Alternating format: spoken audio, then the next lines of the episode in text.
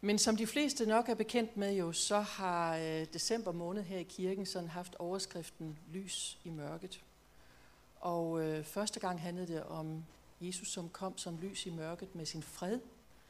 Og så handlede det om Jesus, der kom som lys i mørket med håbet. Og i dag skal det så have en lidt anden dimension. Jeg er nemlig blevet spurgt om at sige noget om lyset, som skinner i mørket, og mørket øh, greb det ikke. Det står i Johannes evangelie kapitel 1, vers 5, og jeg har faktisk valgt at læse hele sammenhængen, for det øh, har vi brug for i de næste minutter. Så prøv at læse rigtig godt med her. I begyndelsen var ordet, og ordet var hos Gud, og ordet var Gud. Han var i begyndelsen hos Gud. Alt blev til ved ham, og uden ham blev intet til af det, som er. I ham var liv, og livet var menneskers lys. Og lyset skinner i mørket, og mørket greb det ikke. Der kom et menneske udsendt af Gud. Hans navn var Johannes. Han kom for at aflægge vidnesbyrd. Han skulle vidne om lyset, for at alle skulle komme til tro ved ham. Selv var han ikke lyset, men han skulle vidne om lyset. Lyset, det sande lys, som oplyser et hvert menneske, var ved at komme til verden. Han var i verden, og verden var blevet til ved ham, og verden kendte ham ikke. Han kom til sit eget, og hans egne tog ikke imod ham. Men alle dem, som tog imod ham, gav han ret til at blive Guds børn, dem, der tror på hans navn. De er ikke født af blod, ikke af kødsvilje, ikke af mandsvilje, men af Gud. Og ordet blev kød og tog bolig i blandt os, og vi så hans herlighed, en herlighed, som den enborne har den fra faderen, fuld af noget og sandhed. Ja. Specielt har jeg det sådan øh, lidt personligt underligt med i dag at være blevet bedt om at tage udgangspunkt i det her skriftsted. Sidste gang, jeg sådan skulle dykke i det her skriftsted, det er, har jeg regnet ud, cirka 45 år siden. Anledningen var, at jeg kom i en teenageklub i min kirke dengang. Øhm, vi mødtes hver lørdag aften, og øh, netop den lørdag aften, som jeg kommer til at tænke på, der havde teenagelederen inviteret en meget dygtig underviser til at komme. Og han lagde lige præcis ud med det her skriftsted, som jeg lige har læst, og som er udgangspunktet for i dag. Og da han så er færdig, så kigger han sådan op og kigger ud over os alle sammen. Og vi sidder der sådan på vores orange stole med de brune lamper, vi er i 70'erne, og hessian på væggene. Og der kigger han så ud på os alle. Og så siger han, så kunne det være dejligt, hvis en af jer vil fortælle, hvad I har fået ud af det skriftafsnit. Og der var ikke nogen, der svarede. Øh, der var meget stille. Jeg tror, der var flere end mig, der syntes, det var et lidt svært skriftsted at skulle forklare. Og så efter en lang pause, så kigger han på mig, og så siger han, Karen Margrethe, vil du ikke starte med at fortælle, hvad du har fået ud af det? Og øh, jeg kan jo ikke huske i dag, sådan, hvilke ord jeg brugte. Jeg er sikker på, at det var famlende sætninger. Men jeg husker udmærket sådan følelsen i kroppen, jeg havde, da han spurgte. Og øh, så, jeg ved, ikke, hvad jeg, jeg ved ikke, hvad jeg fik sagt, og jeg ved ikke, hvordan jeg kom igennem, men i hvert fald på et tidspunkt sagde han heldigvis tak. Og så overtog han selv og så siger han, i virkeligheden så er ordet betegnelsen for Jesus. Og så bad han os om at læse den første sætning igen, og så i stedet for ordet, ordet, så bad han os om at indsætte ordet Jesus. Og pludselig gav det mening. I begyndelsen var Jesus, og Jesus var hos Gud, og Jesus var Gud. Jeg glemmer det aldrig. I begyndelsen, det er altså sådan, at Johannes starter. Og sådan kan vi også altid faktisk gå tilbage til begyndelsen. Det er altså et godt sted at starte med skabelsen. Og så er vi jo tilbage ved 1. Mosebog, kapitel 1 og vers 1. Og hvad er det nu, der står der? I begyndelsen skabte Gud himlen og jorden. Jorden var dengang tomhed og øde, der var mørke over urdybet, og Guds ånd svævede over vandene. Gud sagde, der skal være lys. Og der blev lys, og Gud så, at lyset var godt, og Gud skilte lyset fra mørket. Der er en kunstner, der hedder Maja Lisa Engelhardt, som nogen måske har stødt på. Hun har netop malet et billede, hvor hun forestiller sig Gud, der skaber lyset. Lyset så nærmest flænger mørket og bliver så tydeligt. Og jeg tror, I har det ligesom mig, at sådan øjnene drages mod det der lys. Det er det, vi lægger mærke til. Maja Lise Engelhardt, hun blev faktisk spurgt på DR1 for et par uger siden om, hvad der for hende var kernen i hele kristentroen. Og så siger hun prompte, det er lyset. Og i det skriftafsnit, som vi lige har læst i dag, der vælger Gud jo som lyset, som han er, at synliggøre lyset og læmeliggøre lyset ved at sende Jesus til jorden. Jesus, som jo ifølge Johannes jo netop var med fra begyndelsen. Det er lidt interessant, at de tre andre evangelister, Matthæus, Markus og Lukas, de starter med at fortælle om Jesu fødsel, og det gør Johannes slet ikke. Han springer det helt over, og så springer han i stedet for helt tilbage til begyndelsen, i begyndelsen.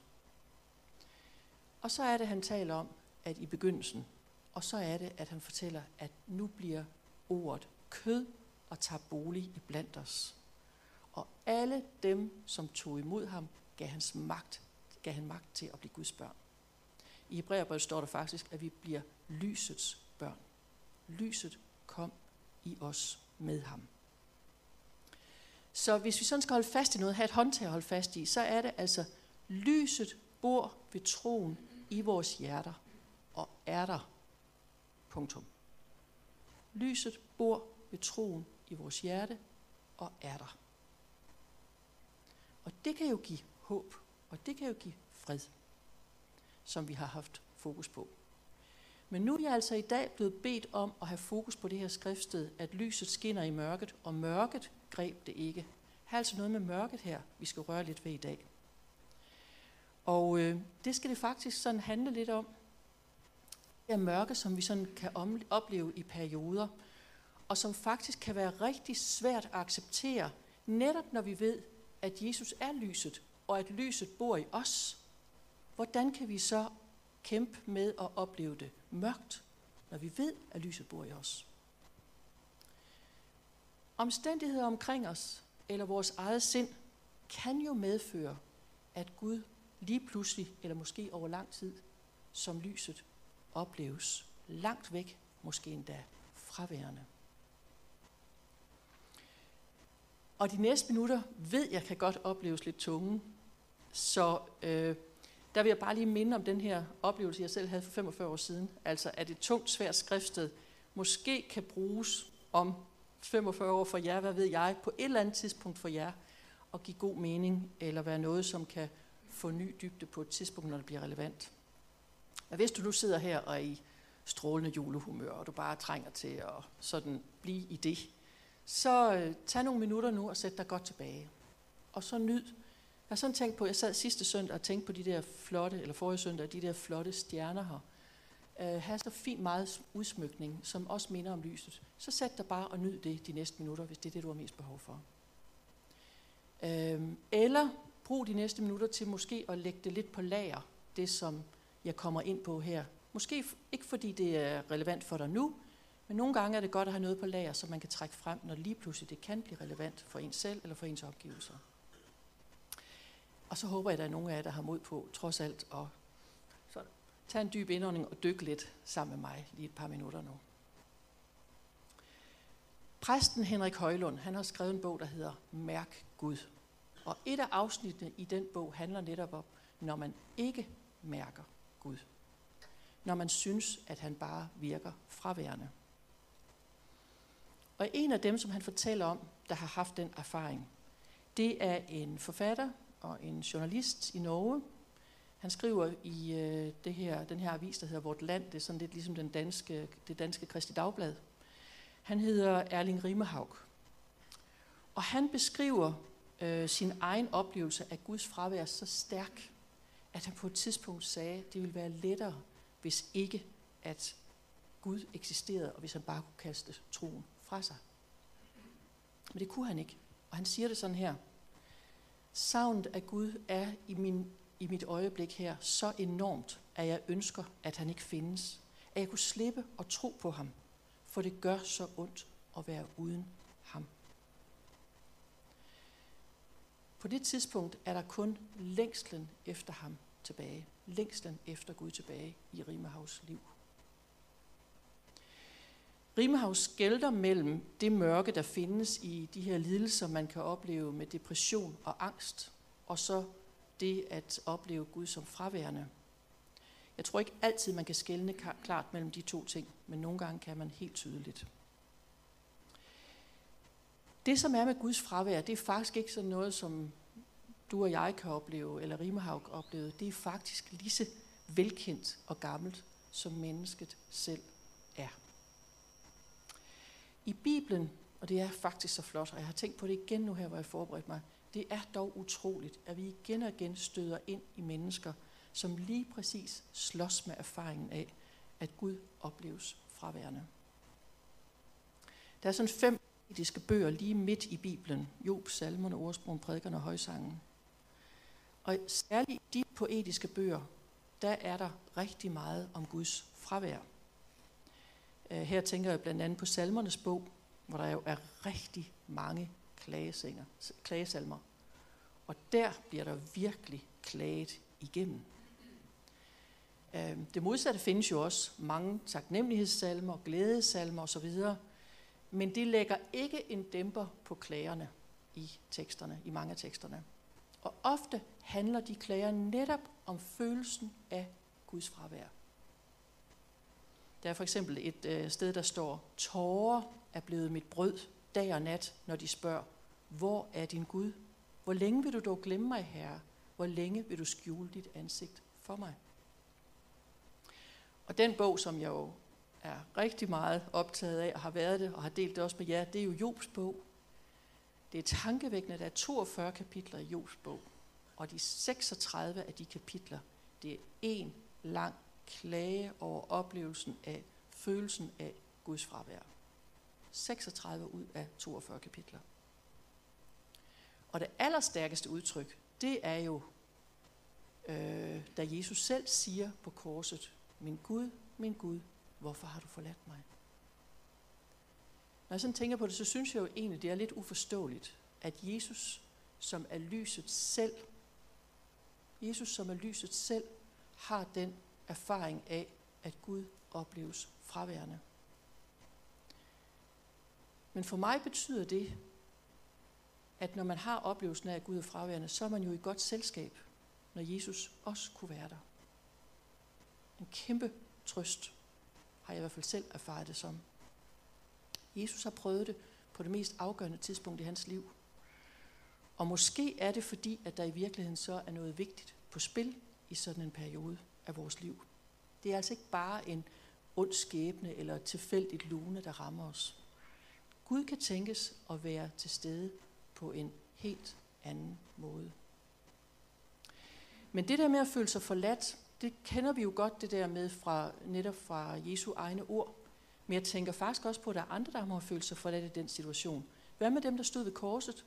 Hvad med dem, der blev ved korset og stod omkring og så på, at Jesus forlod dem? De må da også have følt sig forladt. Oplev, at Jesus, der hang der, han kunne bare have steget ned og været sammen med dem, men han vælger at blive der. Han vælger at forlade dem.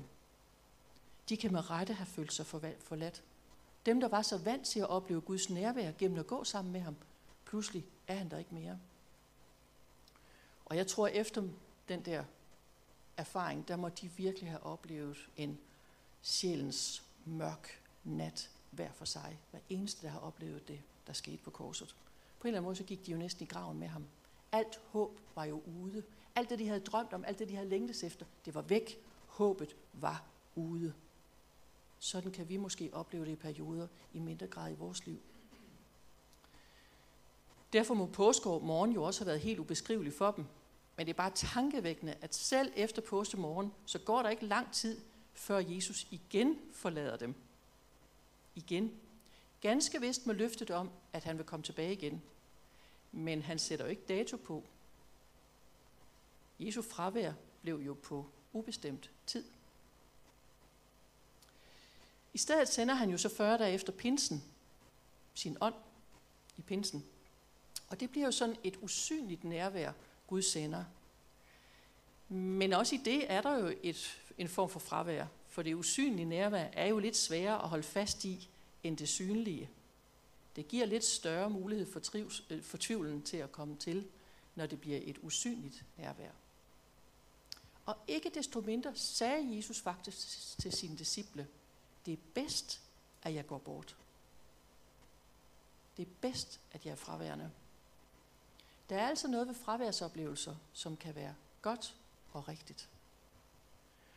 Og lige præcis den erfaring gjorde også den her føromtalte journalist, Rimehaug. For på et tidspunkt midt i hans sådan virkelig mørke, der begynder han at læse nogle af de gamle kristne vejledere. Og han får fat i en mand fra 1500-tallet i Spanien, en munk, som kaldes Johannes af Korset. Og det er fra ham, vi har det udtryk, der hedder sjælens mørke nat. Og Rimehav, han føler sig pludselig genkendt i den der oplevelse af Guds fraværsfølelsen, da han læser Johannes af Korset. Sjælens mørke nat, der er helt uden stemninger og gode følelser af Guds nærvær. Alt det, som man kan opleve i lovsang, eller når man går en tur i naturen. Alt det der, som er så fint og så værdifuldt. Men når alt det er væk, når trosfølelsen forsvinder, stemningerne forsvinder, så tvinges troen jo på en eller anden måde til at dykke dybere, for så er der kun Gud tilbage. Der er ikke nogen stemninger, der er ikke nogen følelser. Og så er vi nødt til at dykke lidt dybere. Så er der kun Gud. Ikke at han føles, men troen på, han er der. Og nogle gange, så kan man næsten ikke engang bare tro, men man har længslen efter at tro. Og det er nok det, som er også kernen i det her. At i nattens mørke, der bliver længslen meget stærk. Man kan være skuffet, man kan sørge, man kan opleve Guds fravær, og der bliver det længslen, der bliver motoren. Længslen efter Guds nærvær. Og der bliver det længslen, der bliver den form for tro, der er tilbage. Længslen efter Gud, at han er der i det der, som opleves mørkt, men at han alligevel er der i det, som han har lovet. Og nu kan alt det her altså lyde meget, meget tungt. Og der må være nogen, der kan sidde og tænke, ej, altså skal det der med Gud være så tungt? Behøver det være så tungt? Eller, jeg synes ikke, jeg har oplevet den der sådan noget mørkt på den måde, en sjælens mørke nat. Behøver man det for virkelig at opleve Guds troen? Og der tror jeg, det er vigtigt at holde fast i, at der er vi alle sammen forskellige, og det skal vi holde fast i. Vi skal ikke sammenligne os.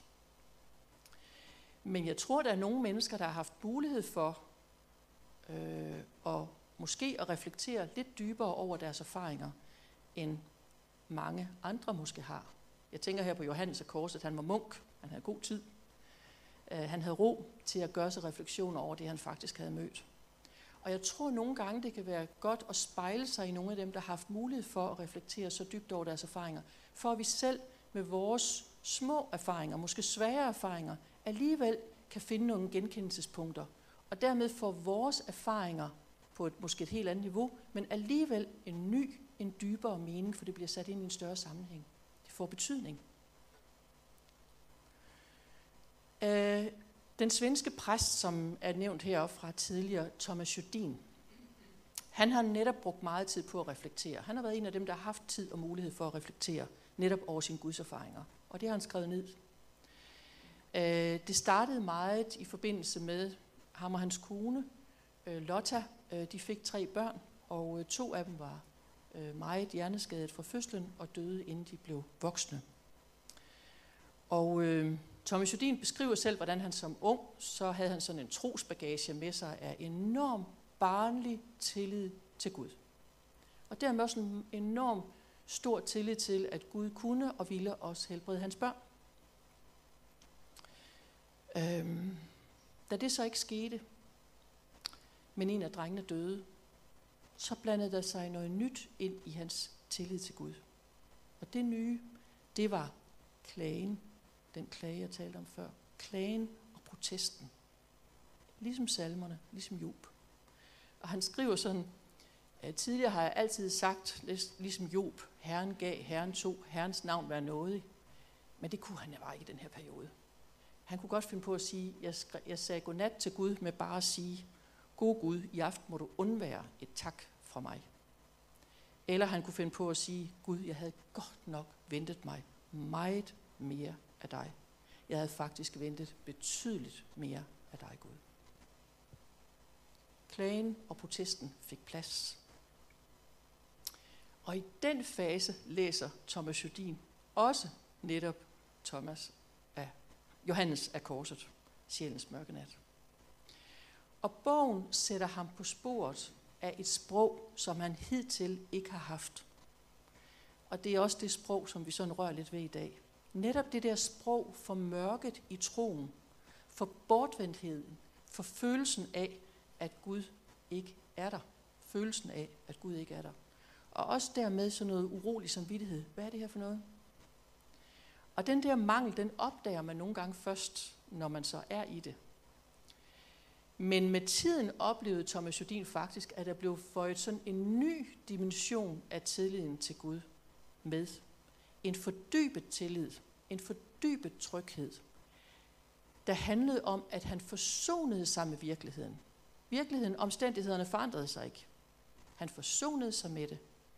Men samtidig rummede, rummede det også sådan en tillid til, at der i det kunne være nogle nye åbninger. Måske noget nyt, der kunne findes. Noget nyt, der kunne ske. Midt i de omstændigheder, som var og som blev ved med at være. Og der siger han så nu, at hans bønder nu har forandret sig helt, hans bønder til Gud. I dag, siger han, så ligner det mest sådan en samtale mellem to gode venner, hvor man vender tankerne, hvor man vender det, man går med. Det er hans bønsliv i dag. Og Jodin skældner mellem to ting, som jeg tror er vigtige. Han siger, at der er forskel på resignation og så tillid. Egentlig så er det jo faktisk det samme, og i virkeligheden så er det også meget forskelligt. Fordi resignation, det er jo så at sige, det er som det er, og så giver man op. Tillid, det er at så sige, det er som det er, men jeg spejder efter noget i det. Og det blev nyt for Thomas Jodin. Og dermed så oplevede han, at pointen blev, at i de der mørke perioder, der kunne hans forhold til Gud styrkes, det kunne udvikles, og det kunne modnes. Og det med at tro på lyset, når det føles mørkt, om troens udvikling, det er der en anden, der har, det er den sidste, jeg vil nævne, det, er der en, det bliver så en tredje måske, der har tag, skrevet om det, og det er en mand, der hedder Jakob Kofod Svendsen. Han skriver netop om, øh, han skrev faktisk bogen, Der skal jeg kende, hvor han skriver om at blive ved med at tro, når Gud føles fjern.